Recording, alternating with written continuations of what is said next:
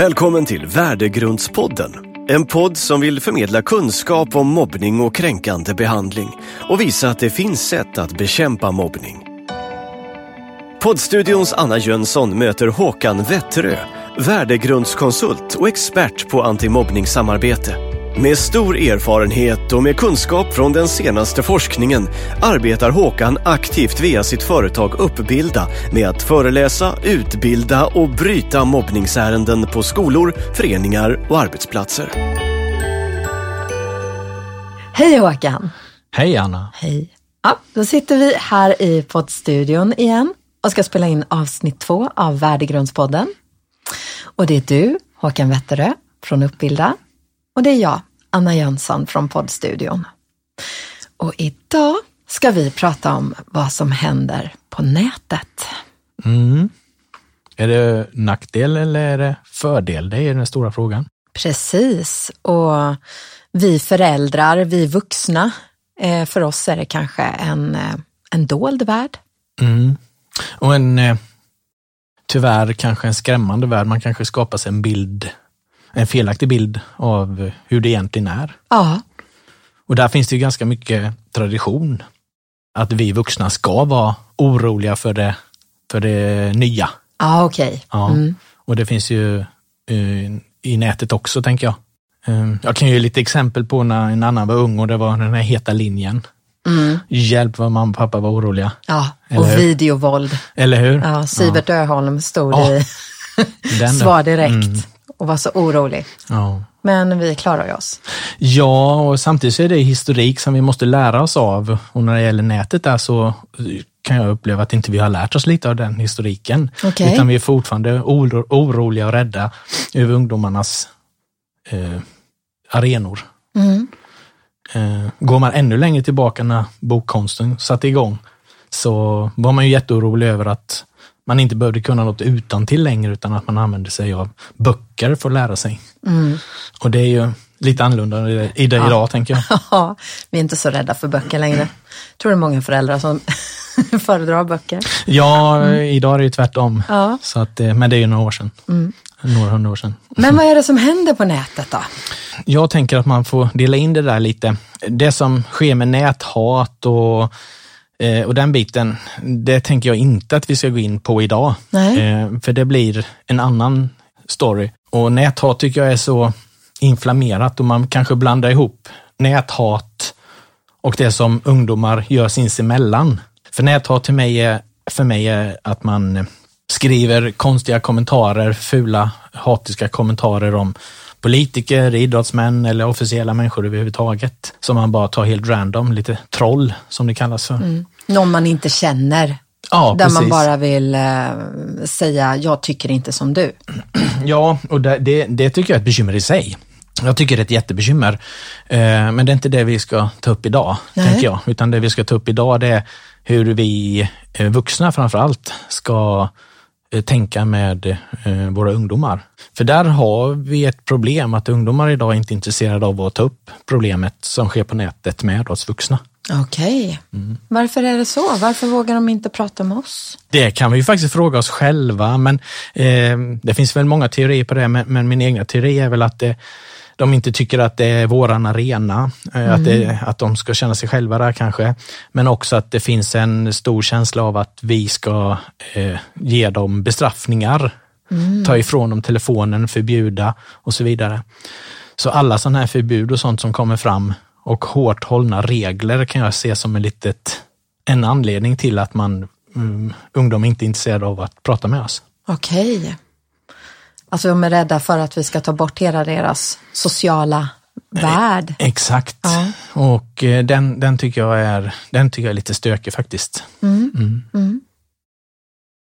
Är barn och ungdomar sämre på att berätta om kränkningar och mobbning på nätet jämfört med det som händer i verkligheten? Ja, det, jag vet inte. Eh, det, jag, jag tycker egentligen inte att nätet är en isolerad händelse. Nej. Utan jag tycker nog att eh, det finns ganska mycket tydliga eh, likheter i dem. Mm. Sker det på nätet i en klass eller i en grupp eller på en skola så, så finns det garanterat oro i, i gruppen också. Så att det blir liksom typ en arena till.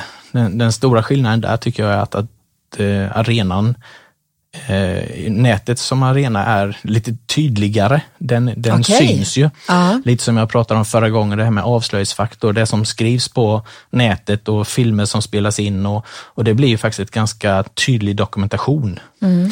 Problemet är ju bara att vi vuxna kanske inte får reda på det då, eh, utan att vi, eh, vi vet inte om det. Och då kommer ju ansvaret till de som tittar på det, publiken. Mm. De som ser en snap, som tittar på story är detta någonting som är okej okay eller inte okej? Okay? Mm. Och så måste de då prata med oss vuxna. Mm. Och då kommer det återigen då varför de inte pratar med oss vuxna om detta. Och där tycker jag det är ett eh, jättestort vuxenansvar. Hur ska vi göra vi vuxna då? Jag tror att man eh, ska eh, vara naturlig, intresserad, mm. precis som man är med barnens andra fritidsaktiviteter med skolan. Samtidigt så tycker jag att en telefon, en en padda eller sociala medier, det är deras eh, värld och det är deras, eh, vi säger som en plånbok, du tittar inte i någon annans plånbok. Mm. Men däremot när det händer någonting så ska de visa vad som finns i plånboken eller i, då i, i telefonen. Mm. Så att eh, börjar man snoka och sådär så, så tycker jag lite eh, Mm, tror inte jag det är rätt väg det heller. Så att vi ska vara öppna, vi ska alltid finnas till, vi ska alltid finnas på plats. Och det här är ingenting som jag kan stå och säga till dem en gång, utan det här är någonting som jag måste eh, förmedla hela tiden, min värdegrund. Händer något i skolan, händer något på vägen hem från skolan, händer något på nätet så finns jag. Samtidigt så, så är det viktigt att man har den här gränsen på vad, vad eh, som är okej okay och inte okej. Okay. Och mm. där kommer vi vuxna också in i tankar, tänker jag. Där det är viktigt att vi berättar för dem var gränsen går. Så ju tydligare gränser vi har hemma, desto lättare är det ju att översätta för en ungdom att nu har gränsen passerats på nätet, nu mm. behöver jag tala om det. För jag tänker ju att det är ett beteende man har. Att det är, och det beteendet har man både i verkligheten och på nätet. Mm. Eh, det finns naturligtvis undantag, men eh, jag ser stora likheter där. Eh, så har man ett dåligt beteende inne i klassrummet eller i gruppen så, så finns det kanske på nätet. Men framförallt om det finns på nätet så kan jag säga att det garanterat finns i verkligheten också. Mm. Så på så vis är ju beteendet på nätet ett litet skyltfönster för oss. Eh, vad jag kommer ihåg så har jag nog ett ärende som, som bara är på nätet som inte fanns i gruppen, så det var lite unikt. Men annars så, så av alla de ärendena som jag har så är det i stort sett eh, finns det på båda ställen då. Om det sker på nätet. Mm. Men de flesta situationer, mobbningssituationer, finns inte på nätet som jag har i, i verkliga livet. Så det är en rätt så stor skillnad där. Jag kommer att tänka på det nu, mm. i och med att det är så stor eh, risk att avslöjas på mm. nätet. Mm. Kan man upptäcka mobbning som sker i verkligheten, där det stora problemet är verkligheten, genom att man ser det på nätet? Mm. Absolut. Och jag får lite larm på det ibland och framförallt samtalsämnen på att ah, det här har drabbat mig och, och det här har jag varit med om och, och det här har varit min granne har berättat det här. Och, och då, då säger jag nästan alltid det att finns det där på nätet så finns det garanterat i, i verksamheten. Och det händer ganska ofta att man får larmet därifrån och så mm. tror man då att det är en isolerad händelse. Men går man in och kollar vad som händer i klassen eller i gruppen då så, så är det, finns det likheter i det och att det finns där också. Mm, så det kan vara ganska bra för pedagoger och skola att, eh, att ha lite koll och ha lite känselspröt, att om det kommer sådana grejer så... Ja, jag tror inte man ska känna att man måste gå in och kolla, eller tror inte, det, det ska vi inte göra, utan den bästa alarmet är ju att eh, de ungdomarna själva kommer till oss och mm. berättar vad som har hänt. Eh, och då då, precis som det har hänt i, i matsalskön eller på rasten, så när det har hänt någonting tokigt på, på nätet så, så talar man om det för, mm. för eh, en vuxen. Och då är det också viktigt att vi vuxna i det momentet att vi eh, tar emot det larmet på rätt sätt. Mm. Så att inte vi bara, ah, vi ska inte hålla på med telefoner, håller du på med telefoner nu? Eh, och så här. För mm. då, då är det ju samma sak, så att kom inte hit och ge mig larmet. Nej, så det är ju jätteviktigt eh, hur vi mottar det. Och det är likadant om, om jag är negativ till mobilen, till Snapchat eller vad jag nu kan vara negativ till, så, och jag har det som lite image, eh, då är det inte så intressant för barnen att komma till oss heller och prata om det som är obekvämt på nätet. Nej. Så att eh, jag tycker att vi vuxna måste ha en väldigt positiv inställning och en, en hjälpande hand i det här. Eh, Jag kan inte allt. Och när jag står och föreläser för ungdomar så tycker jag det är ganska intressant för att där står jag och föreläser för hundra specialister och det är inte jag. Nej. Eller hur? Så den är, är ganska intressant. Men hur kan jag göra detta från vuxenperspektivet? Och hur kan jag få ungdomarna till att prata om detta med vuxna? Så jag, jag brukar faktiskt säga det att se till så försök få tag i någon som du har ett förtroende för, som du kan prata med. Så om det händer när det händer, så, så, eh, så kan du gå till den direkt. Och där kommer de, där kommer de ju välja vem de vill prata med. Eller hur? Ja. Mm. Och det gör ju du med om du har något bekymmer ja. med no om någonting. Så kommer du välja, du kommer inte prata om alla bekymmer med alla människor du träffar, utan du kommer ju välja ut någon som du hör, som lyssnar, som kanske kan hjälpa dig. Och man kanske inte har samma person för alla grejer. Exakt, exakt. Och där tror jag att det är bra med olika kompetenser och väldigt många mm, olika roller eh, på en skola exempelvis. Vad ska ungdomarna tänka på på nätet? Har du några bra tips? Ja, eh, återigen, det stora bekymret är får, att få dem till att prata med oss vuxna. Eh, men jag vill att de ska eh, tänka, om detta händer i verkliga livet, hade vi vuxna sagt till då? Vi säger att någon skulle säga något fult i matsalskön och det stod en vuxen bredvid. Hade de sagt till då? Förmodligen hade de det. Eller jag hoppas de hade gjort det. Och så måste de också tänka. Mm. Sen har ju de en helt annan gräns än vad vi har. Och vi vuxna, vi är ju ändå där för att eh, se till så att det blir en gräns för vuxenvärlden. Exempelvis med språk och attityder och vad man får skriva och inte får skriva och skicka iväg. Men, men man ska också veta att, att man hamnar i situationer som kanske är jobbiga. Som är, är svåra att eh, handskas med.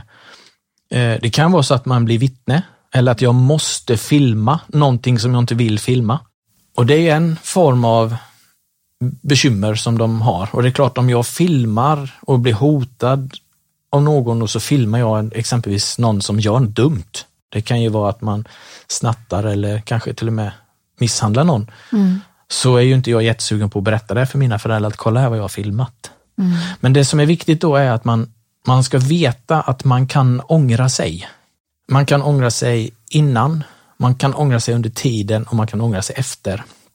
Och återigen då, när man ångrar sig, även om man ångrar sig efter som kanske då betraktas som sämre, så är det viktigt att vi vuxna ser det som det positiva att han ångrar sig och inte att han ångrar sig för sent. Nej. Eller hon. Att man bekräftar det här är bra så att de, får med sig någonting positivt till nästa gång för då kanske de kan ångra sig lite tidigare. Ja, och just i det här sättet att ångra sig, där, där kan jag tycka att vi vuxna har ganska stor roll att utbilda eleverna och det, det upplever jag som en jätteviktig roll som jag har. Att hur, hur, ska, hur ska en ungdom ta sig ur de här situationerna som man kommer i? Eh, och då brukar jag säga det att eh, ni får ljuga er ur situationen. Eh, vi säger att du ska få en telefon som du ska filma någonting som du inte vill filma. Då kan du exempelvis ta upp din egna telefon och säga att det ringer. Eller att du får ett sms eller eh, att den telefon du ska filma med slocknar, vad har du för kod? Så, så kan man ju faktiskt ta sig ur den situationen rätt lätt. Och du kan ju svara i telefonen och säga att oj, nu mamma ringer. Ja, nej, jag är i stadsparken. Och det Jag måste hem. Ja, eller hur? Ja. Eller så kanske du är jättekissnödig. Ja, du, du har säkert bättre strategi som ungdom än vad jag har. Men just att, att man kan ljuga sig ur situationer eh, är ju ganska enkelt. Och det är likadant om man eh, i verkliga livet, om man hamnar i en situation där någon snattar, så kan man också faktiskt välja sig och dra ur där. Dra sig ur, utan du kan ju bara vända på klacken och gå. Eller känna att du inte har råd att köpa någonting så jag behöver inte ens gå in i affären. Eller du kan ju ljuga ihop lite små verser. Men framförallt så, så måste vi nog eh, hitta vägar som, som de är intresserade av att prata med oss med. För det är där upplever jag som är det stora bekymret. Och sen att normaliseringen på bilder som skickas, på kommentarer som skickas och attityder och sånt, att man sänker den. Så att man förstår att det här är, ni gör är faktiskt inte så okej. Okay. För det är också en eh, grej jag har tänkt på med värderingar. Var, var får uh, ungdomar och barn sina värderingar ifrån? Är det från nätet och kompisar? Det är väl det man som förälder är väldigt rädd för, att det ska påverka dem mycket. Eller är det jag som förälder? Ja, men äh, jag kan ju känna lite själv. när jag var ung och jag var i 10-15 års åldern, då kom ju videon och det är klart att mina föräldrar var ju livrädda för videon för man såg ju då videovåldet som någonting som, som jag skulle hålla på med bara det kom in en video i, i vårt hus. Mm. Och så blev det ju inte. Nej. Utan att man, eh, man eh, kan ju med min trygghet och den uppväxten som jag har, gör ju mina värderingar, så jag kan ju titta på ganska många våldsfilmer eh, utan att jag går ut och slår någon. Men sen finns det naturligtvis de som har svårare att och arbeta med, med de intrycken mm. naturligtvis. Mm.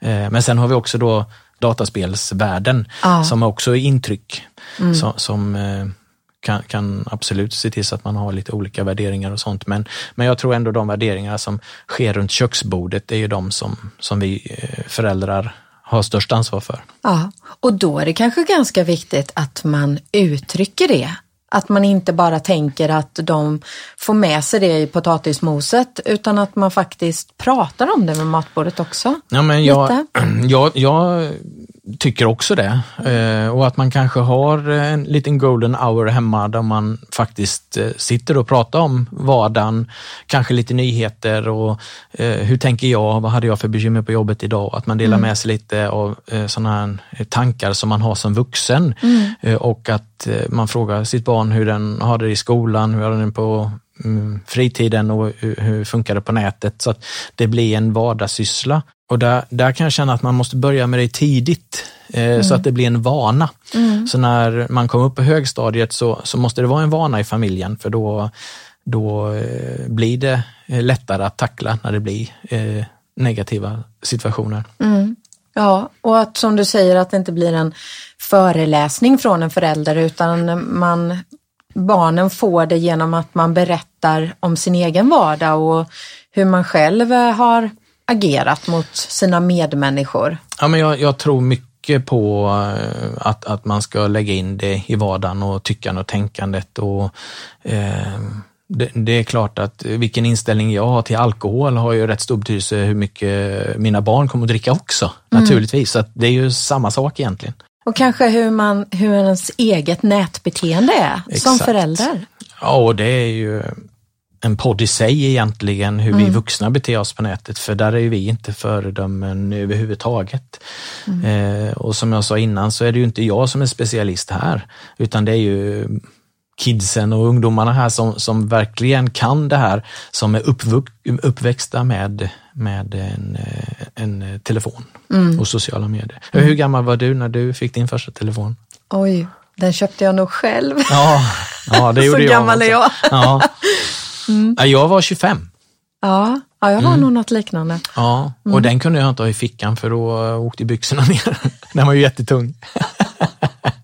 Ja. Jag minns det så väl för jag var rätt stolt över den där för jag fick den på min 25-årsdag. Och den, eh, eh, när jag berättade för mina kollegor, det kommer jag aldrig glömma, så sa de så här, ja men, men vad ska du den till? Ja, men man kan smsa med den också. Ö, vadå?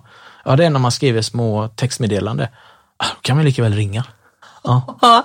Och, och detta idag... var 96 då.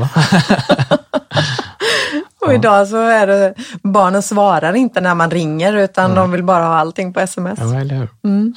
Så, att där, eh, så det är klart att inte vi blir, blir de professionella på det här. Utan det, det, och det är det som blir det intressanta tycker jag, eh, att som förälder att verkligen sätta sig in i, i hur deras värld är. Och så tycker jag man ska översätta det hur, hur vi upplevde när vi var små och hur jobbiga vi tyckte våra föräldrar var. För det är ju en rätt så eh, tydlig likhet. Och just att vi är rädda för det nya unga. Många vuxna och föräldrar är ju inte insatta i detta. De, de kan inte, de vet inte, de kanske inte vill på grund av att de inte kan och vet? Finns det någon light-version på vad man ska göra mm. om man inte vill eh, grotta ner sig helt i Snapchat? Ja, många tror ju att man måste vara inne och rota och, och greja och jag säger att det ska ni inte vara. Mm. Eh, återigen förtroendet, men hur man ska tänka på att lära sig och framförallt förbereda sina barn när de är yngre kan jag känna en ganska schysst jämförelse med trafiken. Mm. Hur gör vi för att barnen ska lära sig trafiken där vi bor? Mm. Och det har ju varit en tradition som som Anita och Televinken hade när jag var liten. Eller hur? Kommer du ihåg dem? Ja. Eh, och, och eh, de lärde sig att man ska titta höger, vänster, höger, vänster och sen tittar vi en gång till. Mm. Eh, och man har stödhjul på cykeln, man har hjälm. Mm. Man börjar på gräset och cykla, man har armbågsskydd och handledsskydd och allt möjligt för att skydda barnen. Mm. Men det innebär ju inte att man inte eh, cyklar. Mm. Utan att eh, man eh, kan göra en tydlig jämförelse med nätet. Hur gör man? Jo, man är bredvid barnen. Man lär dem. Eh, samtidigt så ramlar man på cykeln. Man mm. skriver felaktiga saker på nätet. Det innebär inte att man inte får cykla om man ramlar och mm. skriver man något dumt så innebär inte det att man inte får eh, skriva igen eller ta bort telefonen utan att man, ah, men så här kan vi inte göra. Hur känner den sig? Eh, och eh, hur, hur hur, eh, hur ser mottagaren det här? Mm. Eh, så att jag kan tycka att det finns väldigt mycket likheter med, med hur vi lär våra barn att handskas med trafiken och hur vi ska lära barnen att handskas med sociala medier. Mm. Och att man är väldigt närvarande i början. Ja, eh, samtidigt så är ju, jag är fortfarande nervös även om mina barn är stora när de är ute och kör bil. Mm. Eh, och de har körkort och har haft körkort i flera år. Men, men jag är fortfarande nervös och min mamma är nervös när jag är ute och åker. Mm. Eh, så det finns ju att man är nervös. Det är ju naturligt som förälder. Eh, och man kan ju bara säga kör försiktigt. Eh, samtidigt så vet jag ju det att jag kan absolut göra fel och jag kan också göra fel så att det är mitt fel att vi krockar. Mm. Och Det har hänt och det måste vi räkna med att det händer. Men också att man Eh, gör misstagen på nätet och att man hoppar upp igen och, och så kör. va? Och lär sig av sina misstag. Ja, eller hur? Och mm. tyvärr är det ju så också att eh, även om jag gör allt rätt så är det inte säkert att den jag möter gör allt rätt. Och det är samma sak på, på nätet. Vi måste ha strategier på hur vi ska se till så att man inte hamnar i de här situationerna. Mm. Eh, och det är någonting som vi vuxna kan, kan lära. Där finns det lite forskare och sånt som, som lämnar väldigt mycket tips till oss faktiskt som vi kan ta reda på. Och där är en forskare som jag varmt rekommenderar att ni följer eller går in och, och youtubar på och det är ju Elsa Dunkels. Jag tycker hon är helt fantastisk i hennes sätt att tänka och förmedla. Okej. Okay. Mm. Så är du lite osäker som förälder så, så uh, gå in och följ henne på Twitter och uh, Youtube och UR vet jag att hon är och har lite föreläsningar och sånt på med. Så att, eh, hon är jätte, jätteduktig tycker jag. Du är ute och föreläser ganska mycket om det här med nätet. Mm. Eh, vilka är det du pratar med? Vad säger du? Ja, eh, jag eh, pratar ju allra helst med de tre största kategorierna och det är ju pedagogerna och eleverna och eh, föräldrar. Mm. Eh, för när vi har en samsyn i de här frågorna, det är då jag känner att vi lyckas. Eh, visst, jag står absolut jättegärna och förmedlar kunskap till elever om nätet, men i mina föreläsningar generellt så ser jag inte nätet som, som det enda eh, och jag kan inte se det som den isolerade händelsen som många ser det som. Mm. Utan i mina nätföreläsningar så eh, är faktiskt nätet en liten del, utan det är ju den vanliga värdegrunden, hur mobbning, kränkningar ser ut eh, i, i verkliga livet. Traditionella eh, mobbningen, om man får uttrycka sig så, det är den som man måste ha kunskap om för att kunna förändra beteendet på nätet. Eh, det har ju forskningen visat ganska tydligt att bara arbeta mot nätet är inte alls effektivt. Nej. Utan det bästa är att ha en alldaglig värdegrund och en, en, eh, en, eh, vara noggrann med det i klassrummet så, så, speglar det av sig även på, på nätet. Och det är det som är lite svårt eftersom vi gärna vill förbjuda, vi vill skrämma upp, vi vill berätta hur många det är som blir utsatta och effekten då blir att man faktiskt får föräldrar och kanske personal med att säga att vi förbjuder mm. eh, eh handl, eller att man förbjuder att ha sin mobiltelefon exempelvis. Mm. Eh, eller vissa tider eller hur man nu har för regler. Och eh, då blir det den här motsatta reaktionen att jag är inte intresserad av att berätta för dig när det händer någonting. Nej. Så föräldrar och vårdnadshavare tycker jag är jätteviktigt att föreläsa om. Mm. Men, men, just sambandet mellan vanlig mobbning, kränkningar och nätet, det är det primära och det som jag trycker hårt på.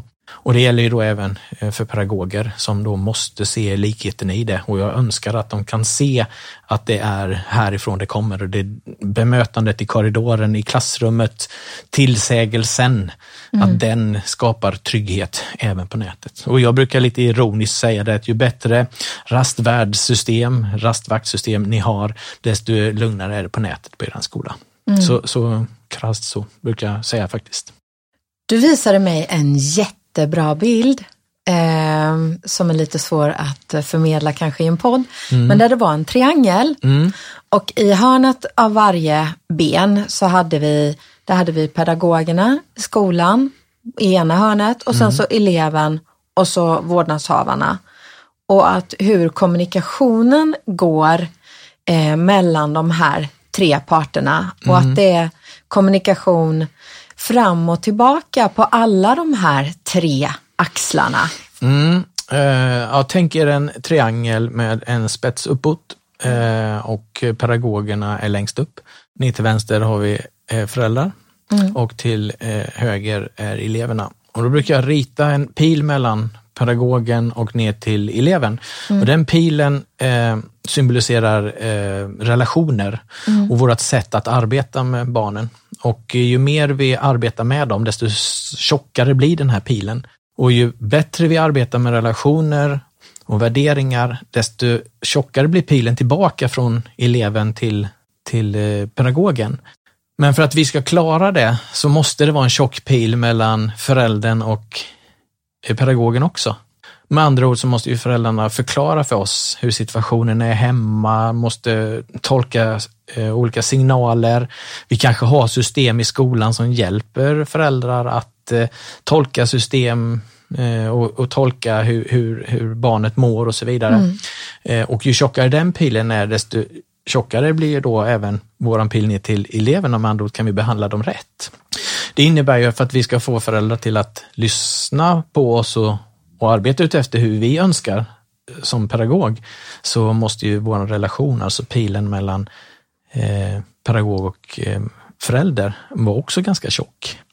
Så de här eh, pilarna är ju jätteviktiga för att vi ska få en helhet och samtidigt så är det, för mig är det en symbolik att pedagogen är högst upp för att det är vi som äger problemet. Samtidigt kan vi inte skjuta undan det till föräldrarna och till eleverna och säga att det här är ert problem hemma. Så kan vi inte göra utan vi måste vara alla tre. Eh, I hemma kan man inte säga det här får ni sköta i skolan. Och så kan inte vi vuxna säga så här, nej det här fixar vi vuxna utan att en elev har ett ansvar. För oavsett hur gammal den är så måste den ju ta ett ansvar utefter mm. sin förmåga och ålder naturligtvis. Men sen så saknas det lite pilar längst ner och det är mellan föräldrar och eleverna eller sina barn.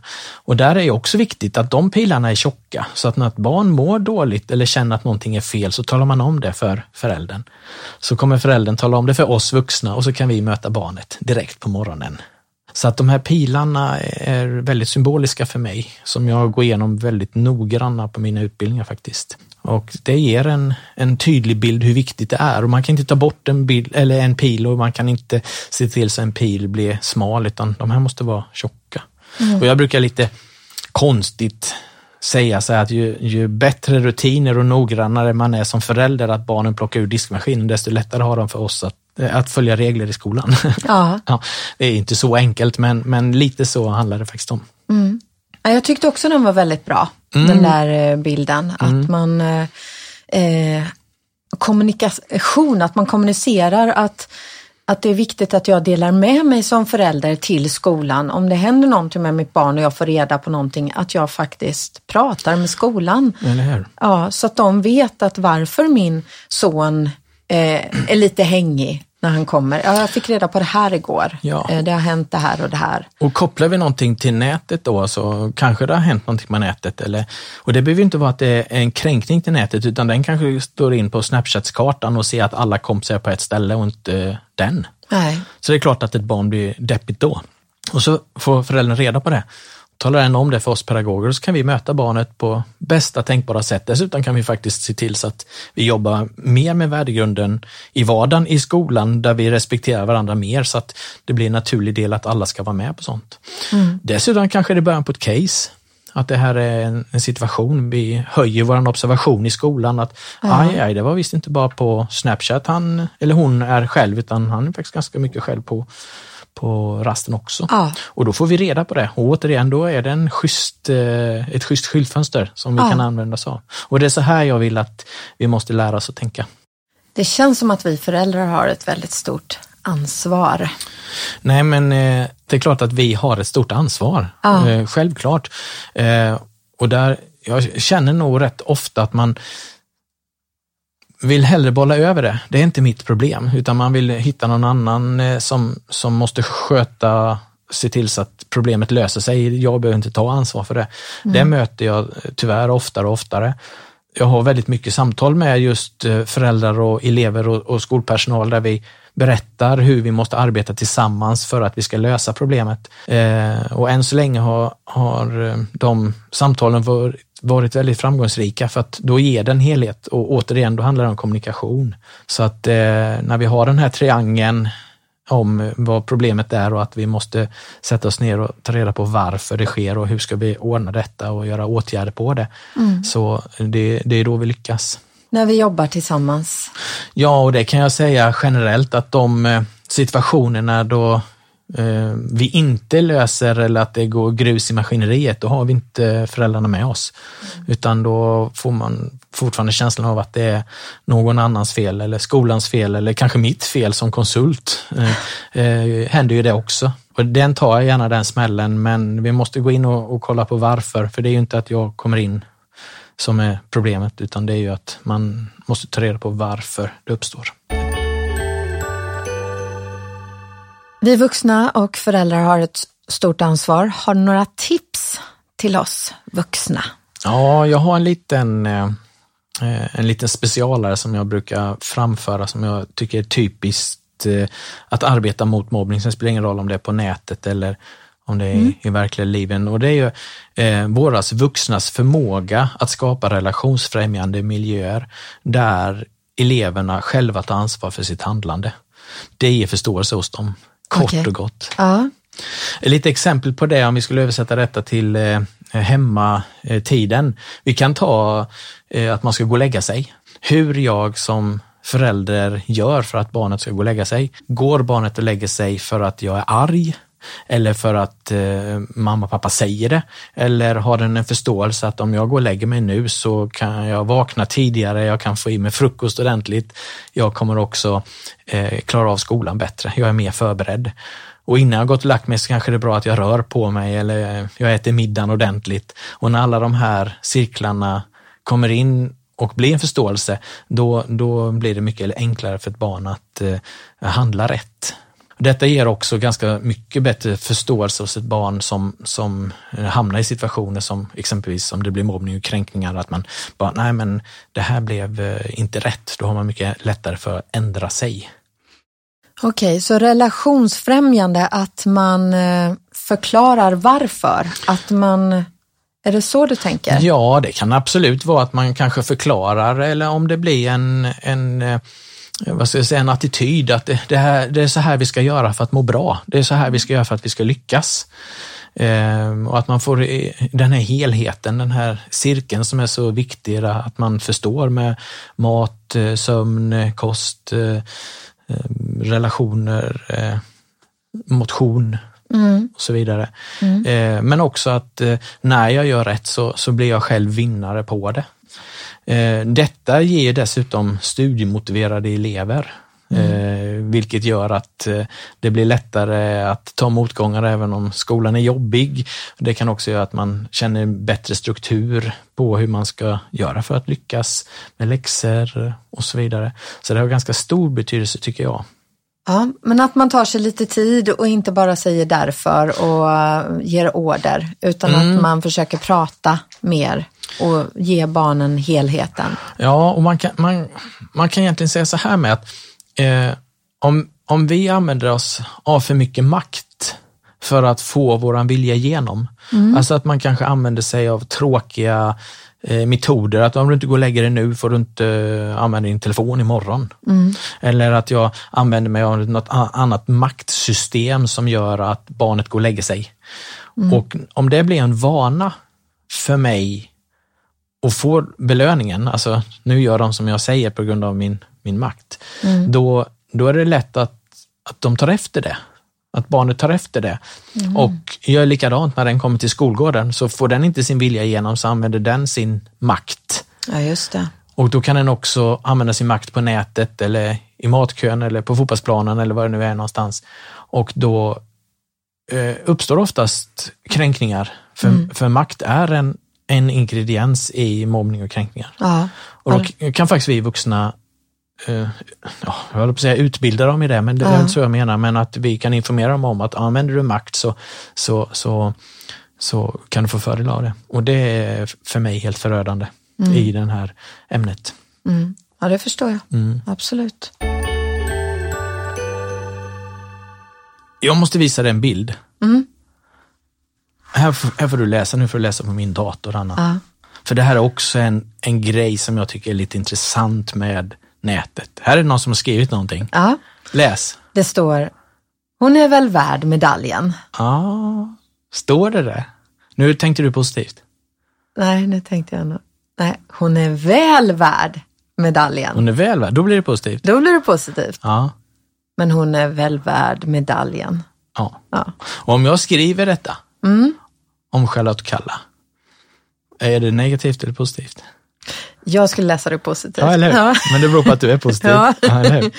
Men någon kanske sagt så, åh vad negativ det är, hon är väl värd medalj, hon har ju kämpat som bara den. Ja. Och det här tycker jag är lite av problematiken i och då är det också rätt lätt att komma igång. Mm. Att, åh, skriver du negativt? Nej, vadå det? Hon är ju väl värd medaljen.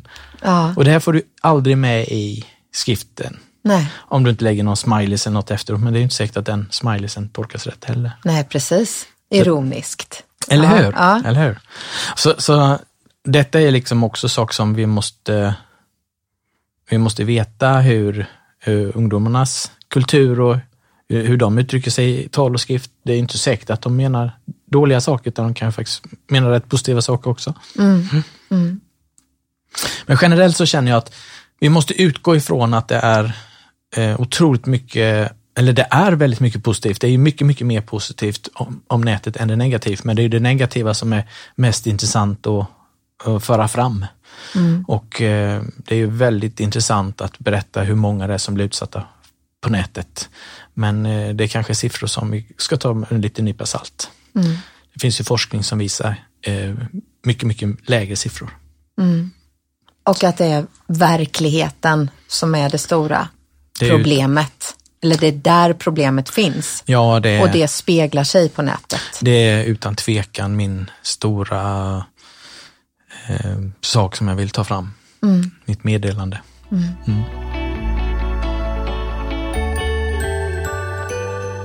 Vad gör vi nästa vecka? Mm, nästa vecka eh, ska vi ta hit en gäst. Mm. En eh, pappa som jag har jobbat med ganska mycket. Eh, några år sedan. Pappan där hade en eh, son, eller har en son, som var väldigt hårt utsatt för mobbning i sin klass. Jag jobbade jättemycket med gruppen, jag jobbade mycket med föräldrar, jag jobbade mycket med skolan och framförallt de föräldrarna som vars barn blev utsatt. Så han ska få komma hit och berätta hur eh, situationen var och hur det blev. För vi gjorde faktiskt på ett lite annorlunda sätt där. Okej. Mm. Varje ärende är unik och jag har ingen mall som jag följer, utan här gäller det att uppfinna hjulet varje gång. Och eh, detta är nog ett typiskt eh, eh, ärende som, som bryter lite mot hur man tror man ska jobba och hur, hur, det, hur det blev. Aha, spännande. Så att jag tror att det kommer bli ett häftigt möte. Det låter jätteintressant. Mm, mm. Det tar vi nästa vecka. Ja, det gör vi. Tack Håkan. Tack så mycket.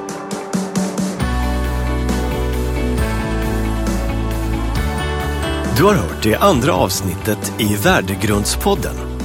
Vill du eller någon du känner veta mer eller komma i kontakt med Håkan Wetterö? Besök Håkans hemsida uppbilda.se. Den här podden producerades 2019 av poddstudion.com.